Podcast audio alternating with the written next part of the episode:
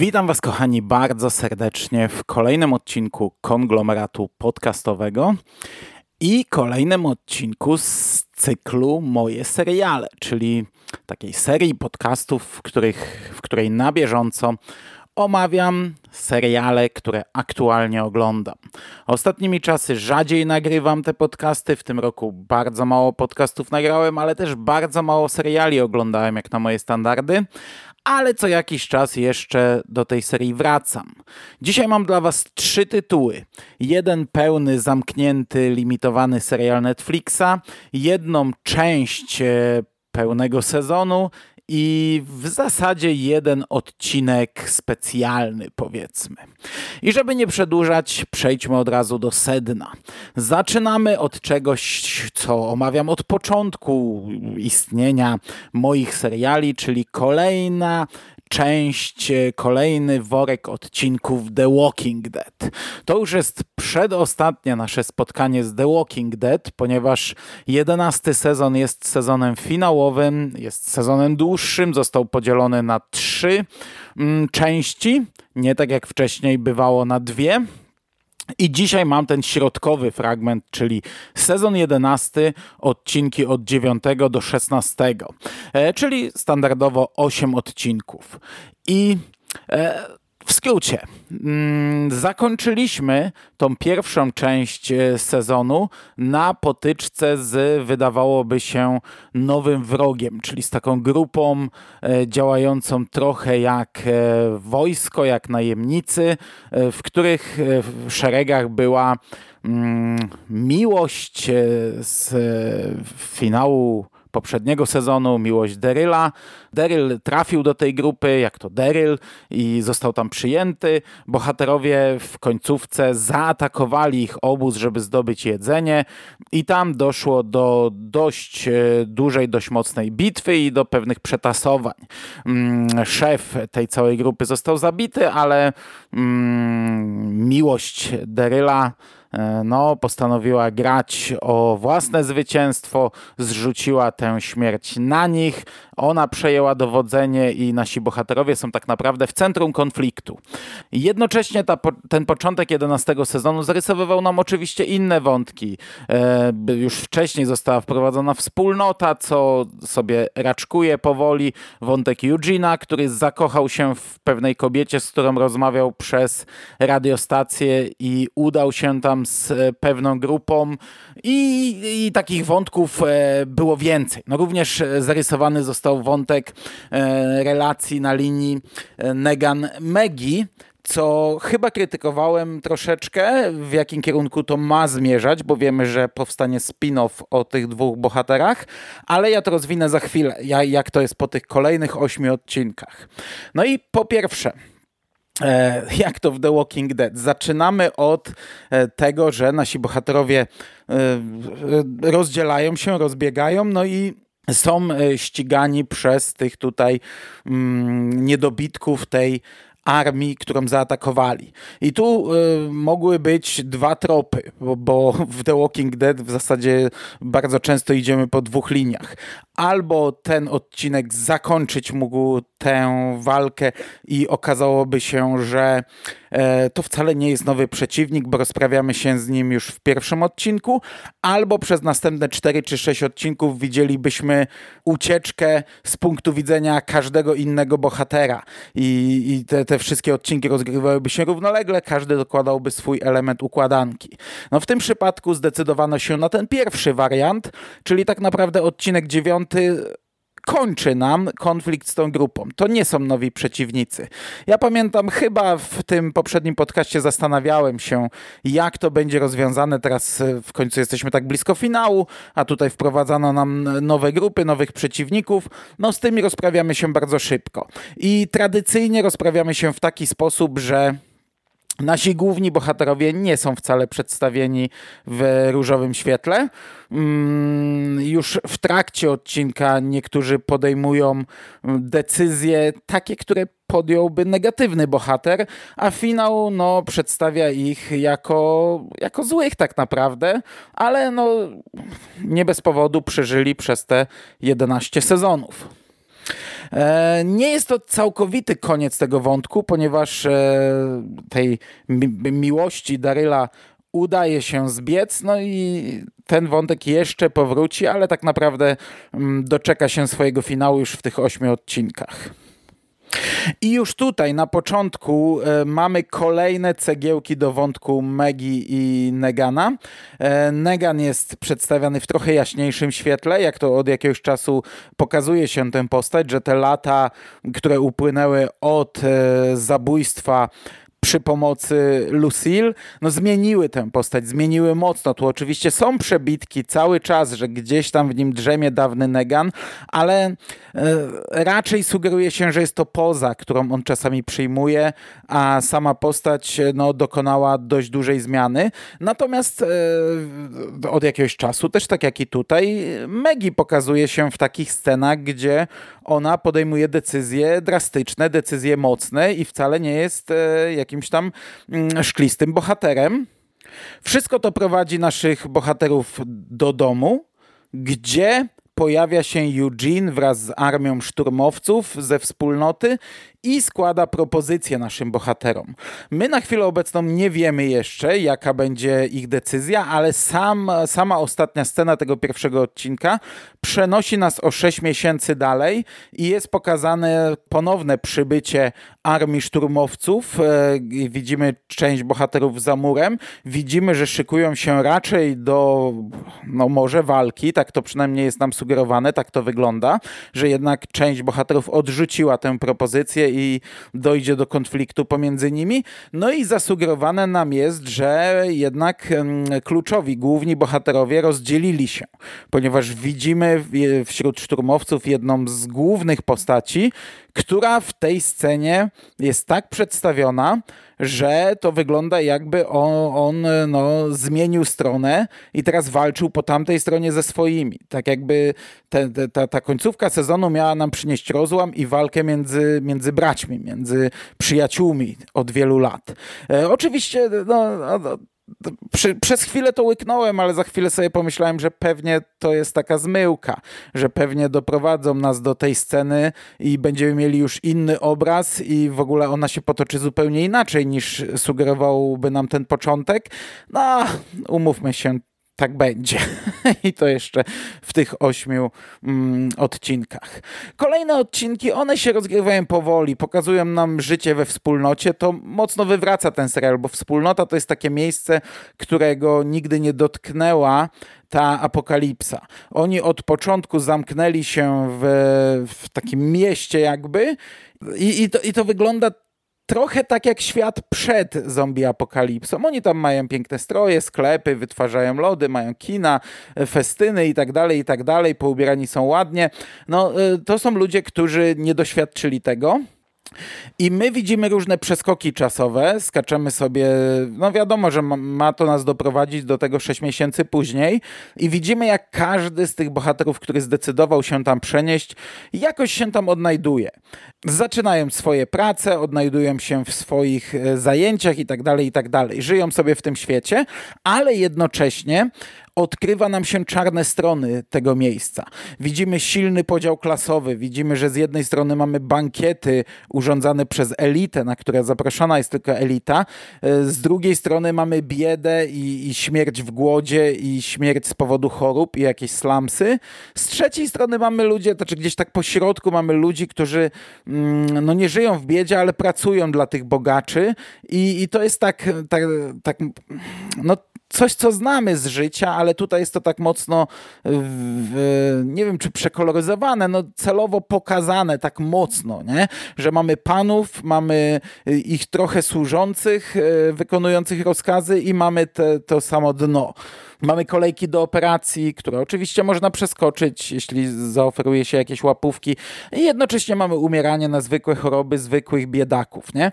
Mamy czarny rynek, mamy jakieś właśnie czarne, lewe operacje, gdzie lekarze, którym nie wolno tego robić, mimo wszystko czują powołanie, schodzą do tego miasta biedoty i gdzieś tam w jakimś namiocie wykonują zwykłe, proste zabiegi ratujące życie.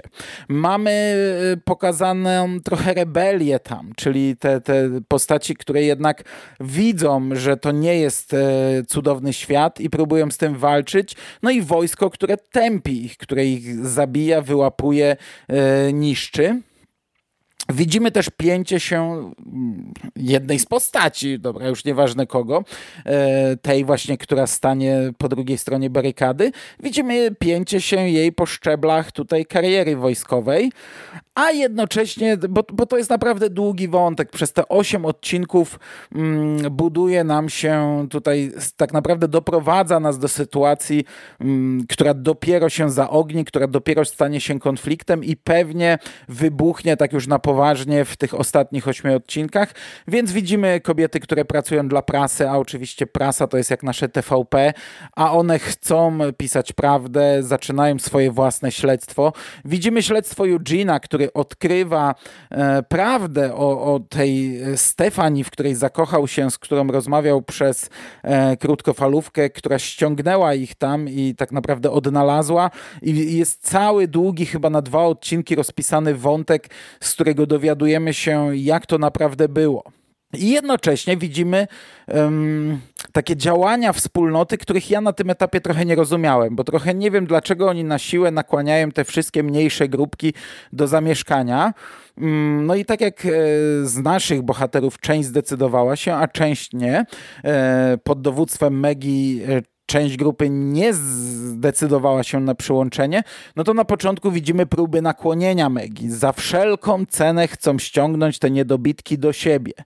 No i tutaj właśnie ten wątek Megi i Negana e, coraz bardziej jest, e, wchodzi na coraz wyższe tory.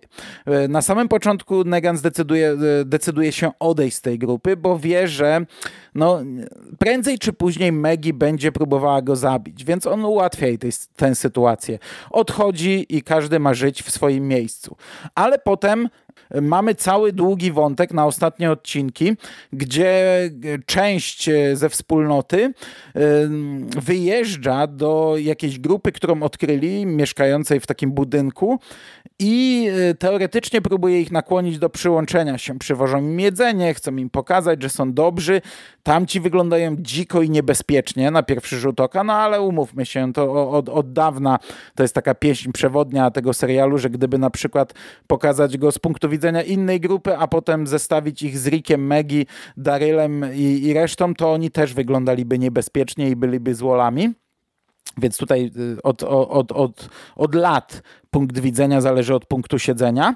No i dochodzi tam do konfliktu i my y, odkrywamy, że w tej grupie wcale nie ma złoli, że oni żyją na swoich zasadach, bronią się i tam jest masa ludzi poukrywanych, a, a to ci nasi e, ludzie ze wspólnoty są tak naprawdę źli i albo ich przeciągną, albo pozabijają, wyrżną. No tam dochodzi do walki, do masakry, do, e, to, tak jak mówię, to jest rozpisane na, na dość dłuższy e, czas, a jako, że już mamy duży przeskok czasowy, no to w życiu Negana też już się trochę pozmieniało, no i w tym momencie Negan wchodzi na scenę, okazuje się, że żył tam. I znów zostaje skonfrontowany z Megi, zostaje skonfrontowany z jej synem, z Hershelem, czyli z dzieciakiem, który którego ojca zabił. I tam wypływa dużo brudów na wierzch, ale powiem wam, że kurczę, ja to zaczynam kupować. To jest naprawdę chyba naj, najlepiej poprowadzony wątek w tych ostatnich latach i, i coś, co wydawało mi się na początku absurdalne. Robienie spin-offa o tych dwóch postaciach, które nie mogą się sparować. No nie ma szans, za dużo krwi napsute jest u nich w przeszłości. To jest tak budowane, kawałek po kawałku, krok po kroku, pokazując różne zmiany zarówno jednej strony i drugiej, pokazując relacje między nimi, zestawiając ich w różnych sytuacjach i, i i, tak ziarnko do ziarnka i na tym etapie to jest e, bardzo wiarygodne.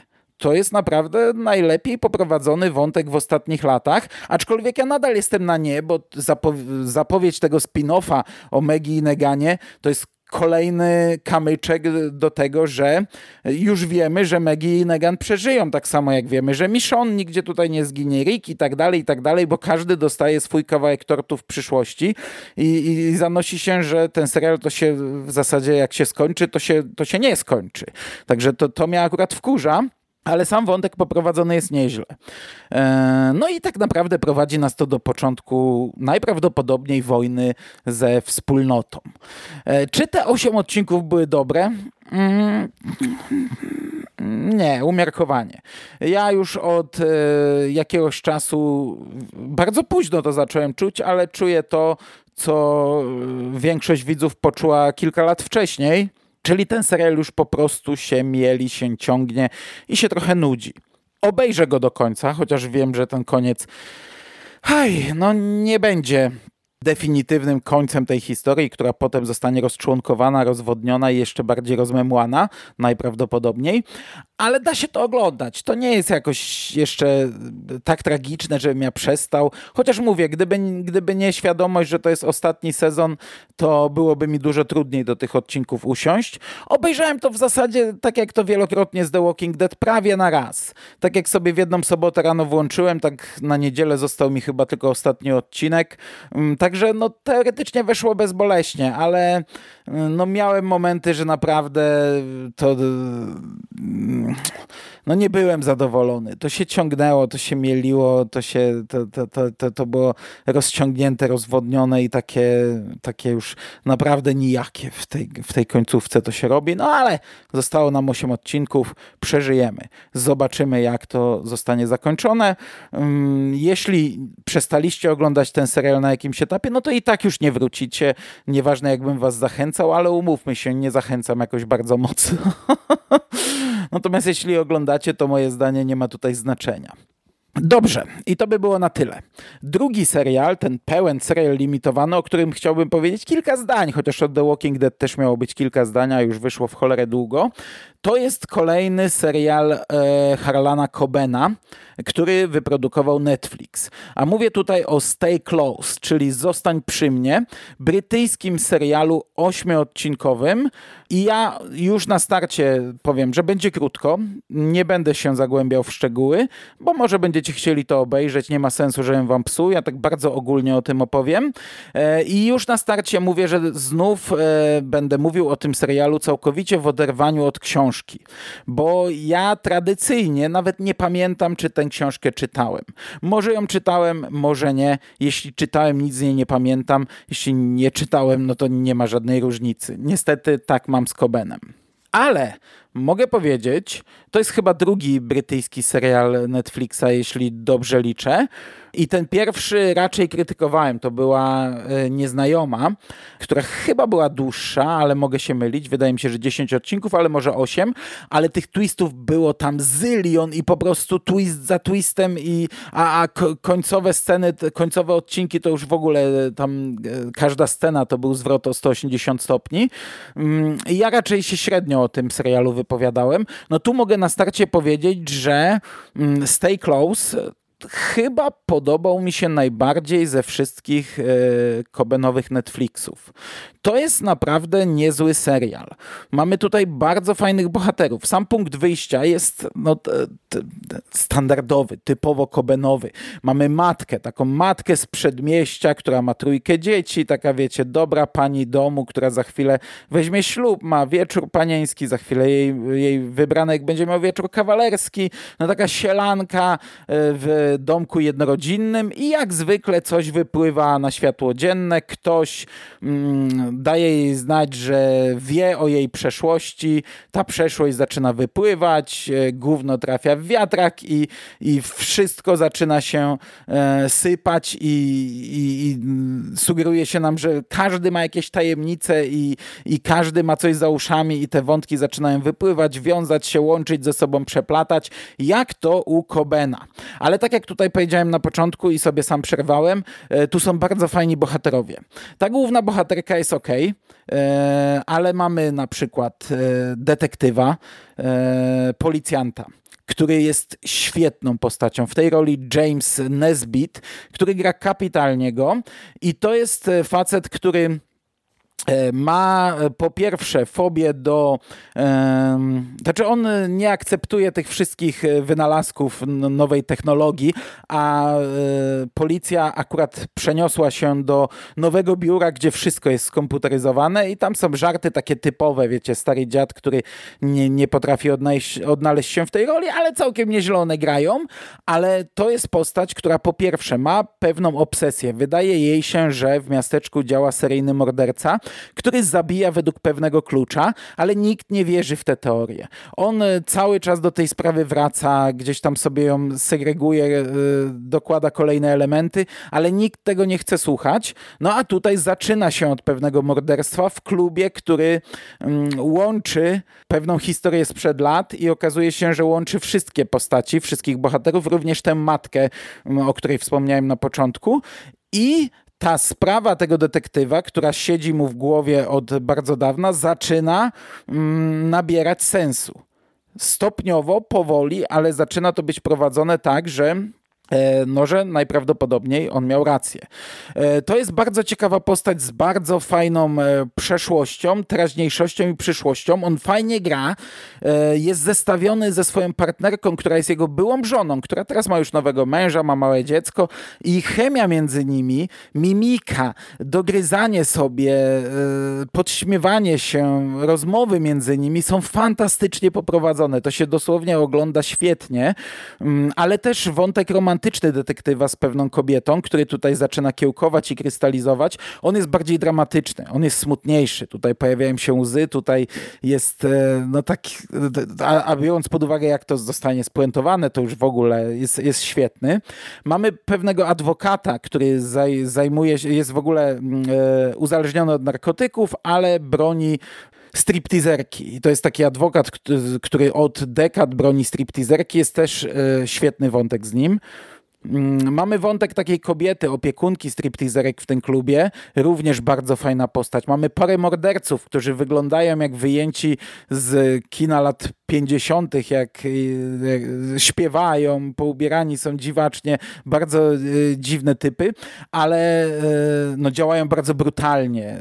Ta, ta, takie, takie przesłodzone, przesłodzona para, która tutaj przewija się przez ekran, mordując kolejne osoby, próbująca doprowadzić do czegoś. I gdy oglądałem ostatnio ten polski serial mm, Netflixowy, tam również była para morderców przedstawiona zupełnie inaczej. Zastanawiałem się, czy to są te same postaci książkowe, bo Koben jednak e, no, łączył ze sobą, e, postaci się przeplat, przeplatały. Nie jestem w stanie tego powiedzieć, nie pamiętam, chociaż tam oni przedstawieni byli zupełnie inaczej. E, mamy wątek oczywiście córki, męża, mamy wątek szefa policji, mamy pewnego fotografa, który jest powiązany zarówno z przeszłością, jak i teraźniejszością, niby trochę oderwany wątek, mm, ale on też bardzo silnie jest e, w tym wszystkim siedzi. W tej roli e, Richard Armitage, jeśli dobrze to czytam, czyli ten facet, który grał chociażby Torina Dębową Tarczę w Hobbicie i również grał właśnie w tym wcześniejszym Netflixowym Kobenie nie nieznajoma, tam grał główną rolę, no tutaj gra nie tyle drugoplanową, co mm, no, chociaż no, no powiedzmy e, taką nie zupełnie główną. No i tak, nie wchodząc w to, bo to ja to oglądałem z żoną i znów miałem coś takiego, jak to, jak to już mówiłem, że, e, no, że dało się te wszystkie tropy kobenowe odczytać do pewnego momentu. E, było wiadomo, że tutaj zaraz ktoś e, zadzwoni na przykład do niej. Teraz ona wyjdzie i my się dowiemy tego, a tu się dowiemy tego. I ja to też wyprzedzałem. Może nie aż tak bardzo, jak na przykład na tym francuskim, e, o którym mówiłem e, jakiś czas temu, ale dało się to wyprzedzić. Ale po pierwsze, y, przeniesienie w te realia brytyjskie jest całkiem fajne. Po drugie, i to jest największy plus z tego serialu, ja każdego z tych bohaterów polubiłem. Każda z tych postaci jest ciekawa. Każda ma ciekawą przeszłość. E, zwykle to są jakieś zaprzepaszczone szanse, zaprzepaszczone okazje. My widzimy ich na pewnym etapie życia i oni w zasadzie wszyscy coś stracili. Wszyscy z czegoś zrezygnowali albo coś zepsuli w życiu i teraz próbują sobie układać to życie i, i przed niektórymi stoją nowe szanse, pojawiają się kłody pod nogami i tak dalej, i tak dalej, ale każdy z tych bohaterów jest fajny, każdy ma ciekawą motywację. Ten serial jest spójny. Tutaj nie ma w zasadzie wątków niezależnych. Wydaje mi się, że wszystko, co widzimy na ekranie, splata się w tę jedną historię, co nie zawsze było w Kobenach. Mm, tutaj czuje się emocje, nawet, a w zasadzie szczególnie przy takich zwykłych wątkach życiowych, niezwiązanych wcale z tą główną intrygą, jest fajna chemia między niektórymi postaciami, jest dobre aktorstwo, jest zaangażowanie widza, no i są emocje. To jest naprawdę bardzo, bardzo fajne. Jest e, ciekawa skala w pewnym momencie, bo w końcówce, gdy no, odkrywamy, że faktycznie ten seryjny morderca tutaj mm, działa, to naprawdę mamy na dużą skalę to zrobione. Jest taki fajny, e, masowy grup, tam wiecie, no, ze zwłokami z ostatnich 17 lat w różnym stopniu rozkładu. To, to, to, to świetnie wygląda. Minusem jest naiwność wielu rzeczy. No, jak to u Kobena, to wiecie, te wszystkie stripteaserki pracujące w tym nocnym klubie, one są do rany przyłóż kobietami, tylko e, gdzieś tam im się życie wykoleiło, wylądowały tam, ale wszystkie są dobre, wszystkie są cudowne. Adwokat, narkoman, Y, bezpłatnie e, prowadzi ich sprawy, bo jest tak dobrym człowiekiem, nie? I tu jest dużo takich rzeczy. Sam punkt wyjścia jest głupiutki, na niego naprawdę trzeba przymknąć oko, no bo e, nasza bohaterka zniknęła na 17 lat, ona miała inne życie wcześniej, teraz prowadzi inne życie. W, ludzie z jej przeszłości są przekonani albo, że umarła, albo, że, że nie wiem, rozpłynęła się w powietrzu. E, ludzie z jej teraźniejszości zupełnie inaczej ją odbierają mają ją za inną osobę. No i przez te 17 lat te światy się nie zderzyły. Ale ona nie uciekła na drugi koniec kraju. Ona mieszka w tym samym mieście, chodzi w te same miejsca. Mamy scenę, gdzie ona stoi na molo i sobie myśli, wspomina, patrzy, a za chwilę widzimy bohatera z jej przeszłości, który stoi na tym samym molo i też myśli, wspomina, patrzy. I, i wiecie, no e, przez 17 lat ktoś by ją zobaczył, ktoś by ją spotkał, nie? Ona robiła rzeczy, no, no już powiedziałem, że to jest o stripteaserkach, nie? Czyli no, gdy robisz takie rzeczy i chcesz zmienić całkowicie swoje życie, no to uciekasz gdzieś daleko, a nie zamieszkujesz w, w zasadzie, nie wiem, 5 kilometrów dalej, nie? To zawsze się znajdzie ktoś, kto będzie cię kojarzył, kto będzie cię pamiętał. Szczególnie, że ona tam na plakatach była, na ulotkach, były nagrania i tak dalej, nie? Także to jest takie głupiutkie. No i tak jak przez te 17 lat te światy się nie zderzyły, tak jak teraz dochodzi do pierwszego kontaktu, to nagle zderzają się całkowicie i od tego momentu każdy na każdego wpada i, i każdy każdego widzi i każdy dorzuca gdzieś tam swój element. No to jest taki najbardziej naiwny motyw tego serialu, na który trzeba po prostu przymknąć oko. Ale, tak jak mówię, no te wszystkie plusy, które wcześniej wymieniłem, są na tyle duże, że a, potrafią przykryć to, nie? A no umówmy się, oglądamy Kobena, a jeśli obejrzeliście kilka Kobenów, to wiecie, że to tak wygląda, więc to nie powinno nas zaskoczyć in minus, nie? E, bardzo, tu nie będę zdradzał, bardzo podobała mi się końcówka wątku mordercy, bo tak jak powiedziałem, przez większość serialu te tropy, no to były tak, takimi checkpointami, taką oczywistością, ale przyznam, że nie mogłem sobie skleić, kto odpowiada za te morderstwa i dlaczego. E, I to było coś, co w zasadzie prawie do końca było dla mnie niewiadomą. Gdy siadaliśmy z żoną do ostatniego odcinka, wtedy sobie pomyślałem, że jest jedna postać, która jest poza podejrzeniami, że wszystkie inne miały coś za uszami, rzucano nam tropy, sugerowano, że to może być on, a potem wychodziły jakieś inne brudy, które okazywały się, że on jest e, taki, bo to, a nie tamto, a jest jedna postać, która jest całkowicie poza podejrzeniami. Jak usiedliśmy do finału, powiedziałem do żony, to ta postać będzie mordercą, ale ja absolutnie jeszcze nie wiem dlaczego. E, ale zobaczysz, że to będzie ta postać, nie? No i, i trafiłem, ale ale i tak to mnie zaskoczyło, bo tak jak powiedziałem, nie wiedziałem dlaczego. Zastanawiałem się, jak to zostanie poprowadzone. Na tyle polubiłem tę postać, że no nie chciałem, żeby to się skończyło źle, a u Kobena to bywa różnie. U Kobena bywa, że na koniec zagrzebuje się jednak te grzechy, odcina się je, robi się czystą kartę i będziemy teraz żyli i jest happy end. Tak naprawdę chyba tylko właśnie w tym brytyjskiej, w tej brytyjskiej nieznajomej do tego happy endu nie doszło, co mnie wtedy trochę zaskoczyło, bo byłem przekonany, że to będzie standardowe zakończenie. No tutaj powiem wam, że jest to poprowadzone świetnie na koniec. I, i się czuję naprawdę duże emocje i No i jest to, jest to naprawdę duży plus tego serialu. Także podsumowując, e, ja mm, jestem zadowolony. Oglądałem ten serial już kilka miesięcy temu. To był taki moment, gdzie włączyłem e, nowego Kobena i zacząłem oglądać z żoną i na tyle jej się spodobało, że włączyłem jej kolejnego zaległego i kolejnego i tak sobie oglądaliśmy i oglądaliśmy do momentu, aż nas to nie zmęczyło. I ten serial wspominam najlepiej. I wydaje mi się, że to jest chyba najlepszy serial z tych e, Netflixowych Kobenów. Także to będzie tyle. I na koniec przechodzimy do odcinka specjalnego, o którym wspomniałem, czyli do mm, serialu Disney Gallery e, The Mandalorian, drugi odcinek, w pewnym sensie drugiego sezonu, czyli odcinek o finale drugiego sezonu Mandalorianina.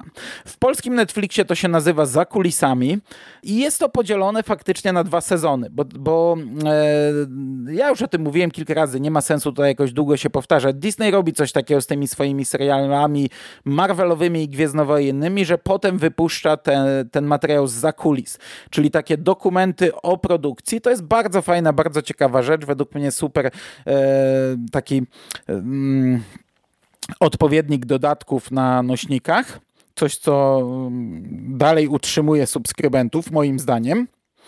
No i e, pierwszy sezon Mandalorianina miał cały sezon tych dokumentów. To było w postaci serialu. To był chyba jedyny serial. Potem już przy Marvelach zaczęto tworzyć po prostu dłuższe filmy, e, godzinne czy ponadgodzinne. I drugi sezon Mandalorianina też miał taki właśnie godzinny film. Ja go omówiłem w moich serialach, wtedy tłumacząc, że okej, okay, to jest film, ale jednak jest to kontynuacja serialu. Natomiast teraz to jest umieszczone jako drugi sezon.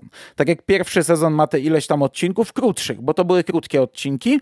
Tak drugi sezon Disney Gallery The Mandalorian ma te dwa odcinki, czyli pierwszy o całym sezonie, a drugi konkretnie o finale. I no jak się można domyślać, to będzie spoiler, więc jak nie chcecie słuchać, to dlatego zostawiłem to na koniec. Jest to w zasadzie odcinek o Luke'u Skywalkerze. I ja wam powiem, że mnie się go oglądało świetnie. Mm, mamy tutaj taką narrację która czasami, no takim politowaniem jej słuchałem, bo zaczynamy od samego pomysłu, od, od tych szkiców, że sprowadzimy Luka. I, i tutaj już, już tak, taki uśmiech, ale to, to nie był wesoły uśmiech, bo wypowiada się Peyton Reed, czyli reżyser tego odcinka. Mówi o tym, jak e, Filoni Favreau powiedzieli mu, że chcą e, sprowadzić Luka i jeszcze na tym etapie nie wiedzieli dokładnie, jak to zrobią i zaczęli, zaczęła się burza mózgów i myśleli, jak to zrobić i tutaj Peyton Reed mówi coś takiego, że ten bohater nie może, po pierwsze, po pierwsze nie może przykryć głównego bohatera.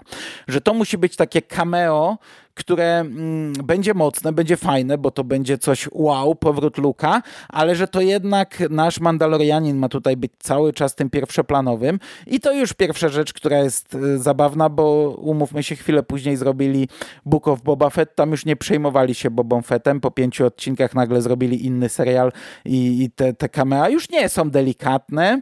E, natomiast druga rzecz, która mnie tutaj rozbawiła, to przez cały odcinek, bo to powstało po drugim sezonie, więc jeszcze może nie było e, planów, co zrobić dalej.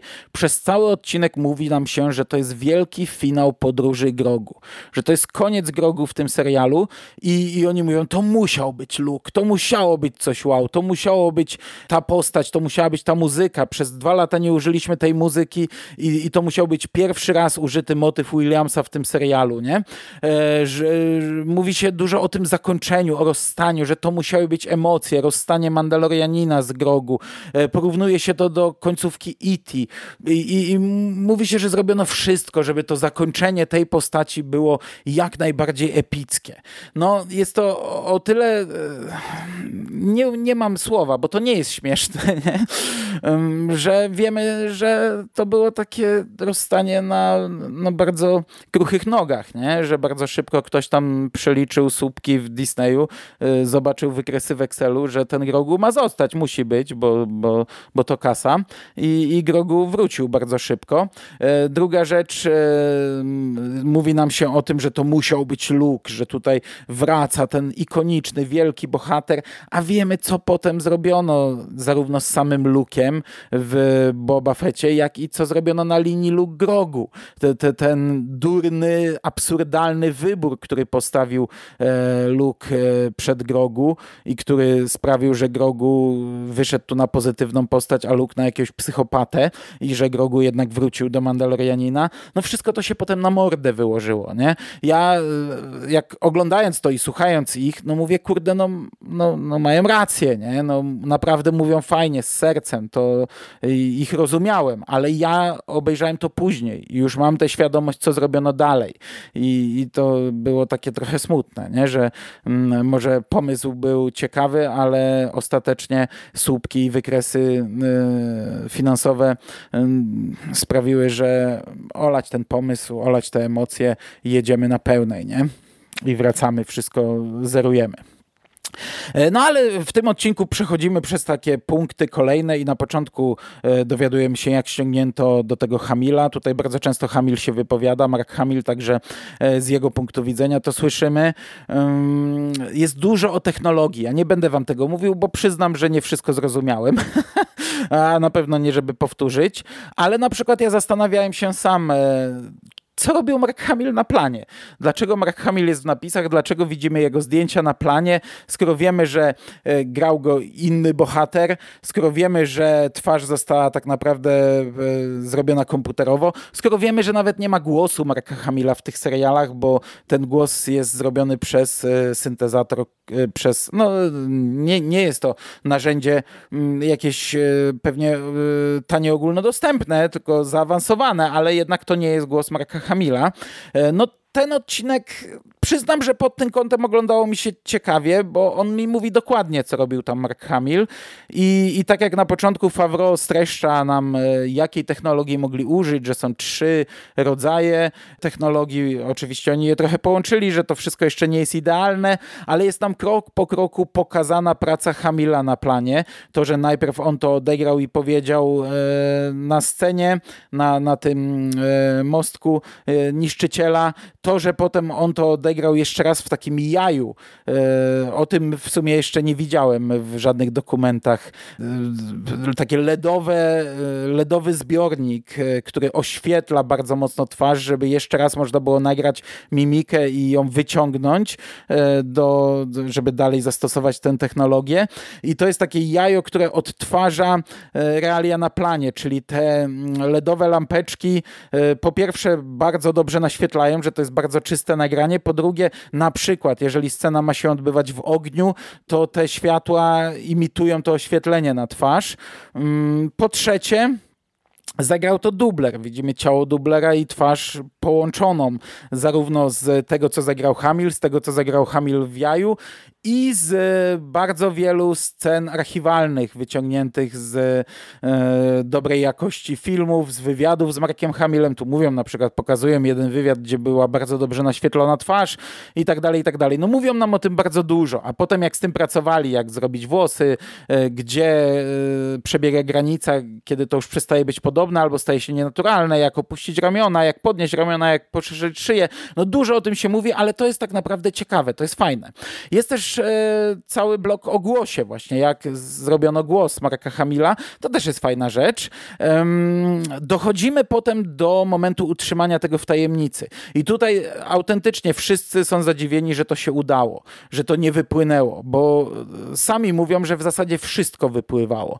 Że Mark Hamil mówi, że przez tam półtora roku przecież e, w tajemnicy trzymał e, twist z Imperium kontratakuje, a, a tutaj, no, że też nie miałby z tym problemu, ale że żyjemy w takich czasach, że wystarczy, że przyjdzie jedna osoba, która będzie korygować kolory czy coś i puści jednego tweeta, zgadnijcie, kogo widziałem, nie?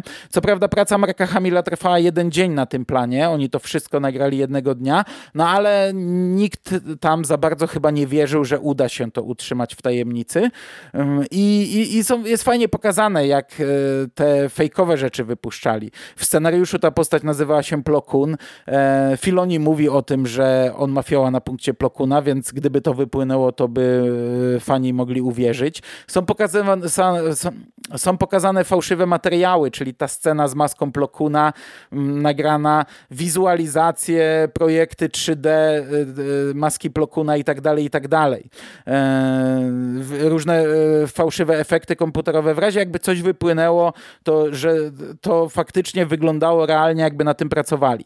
To nie jest jakaś nowość, bo takie rzeczy się robiło nieraz. Ja ostatnio mm, oglądaliśmy z Jerem e, Yellow Jackets i o kilku rzeczach mówiliśmy. Ja nawiązałem do Losta, do motywu trumny, która była pokazana w końcówce jednego z sezonów, a potem cały następny sezon obracał się wokół wątku, kto leży w trumnie. I w finale, gdy dochodzi do otwarcia trumny, to też w zasadzie nikt z ekipy nie wiedział, kto tam będzie, bo oni chyba z połową ekipy nagrali tę scenę i, i potem pokazywali e, nagranie sceny, gdy otwiera się trumna i tam po kolei leży ten bohater, ten, ten, ten, ten, niezależnie z większością z nich nagrali, żeby to nie wypłynęło. Tak, także takie rzeczy się robiło, nie?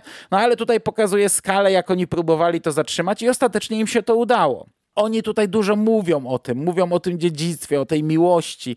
To naprawdę brzmi fajnie, to się, to się ogląda e, ciekawie. E, ja, ja aż czułem aż im zazdrościłem tych emocji, bo ja aż takich emocji nie czułem. Co prawda finał Mandalorianina, on mi się podobał. To potem to, co zrobiono w Book of Boba Fett um, z, z tym wątkiem i z podobnymi wątkami mnie bardzo zażenowało, ale, ale finał Mandalorianina mnie się w zasadzie podobał i, i ten powrót Luka tam, ale nie, nie czułem chyba aż, aż takich emocji, jak to wynikało z wypowiedzi tutaj. I wiecie, to nie były takie, e, takie banały, jak to zawsze mówią, że są podekscytowani, och, jak pięknie, tylko oni faktycznie to od serca mówili.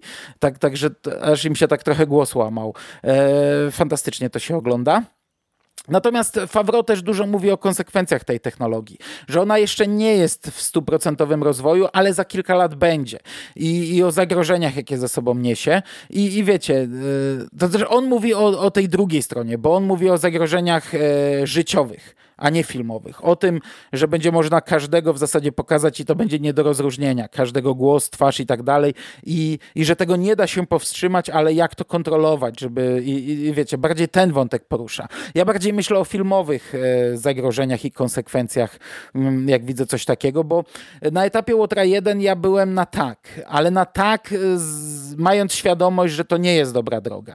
E, na tak, że, że przełamano coś, znaczy to, to nie było też nowum, nie? Już wcześniej takie rzeczy robiono, ale no jednak od Gwiezdnych Wojen zawsze wymagałem e, e, jakiegoś nowego podejścia, to znaczy nowej, nowych rozwiązań, nowych technologii, zrobienia nowych rzeczy. Łotr coś takiego trochę zrobił, Mandalorianin też, e, co, co na tym etapie teraz już mi się nie podoba, bo, bo te seriale kręcone tymi technikami, które oni robią jednak wyglądają trochę sterylnie czasami i wszystkie tak samo, ale to jest temat na inną dyskusję.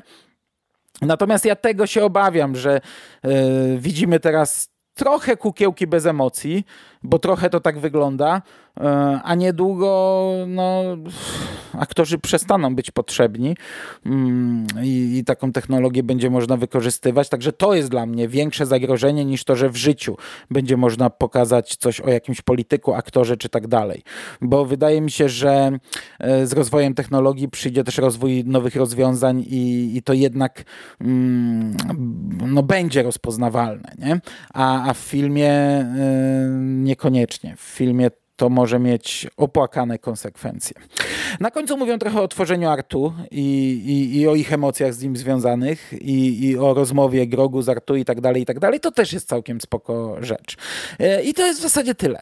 To jest e, naprawdę fajny odcinek. Naprawdę przyjemny, ciekawy odcinek, który skupia się na konkretnym jednym wątku, na konkretnym jednym rozwiązaniu, e, na które zdecydowano się w drugim sezonie Mandalorianina.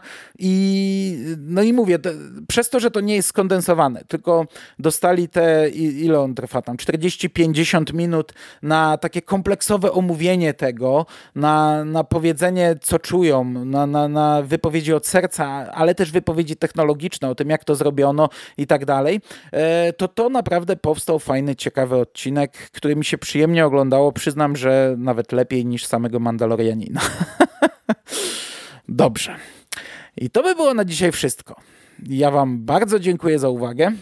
Trzymajcie się ciepło, moi drodzy, i do usłyszenia w przyszłości. Cześć!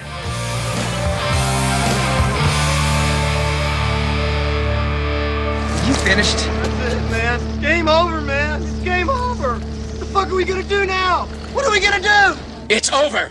Nothing is over! Nothing! You just don't turn it off!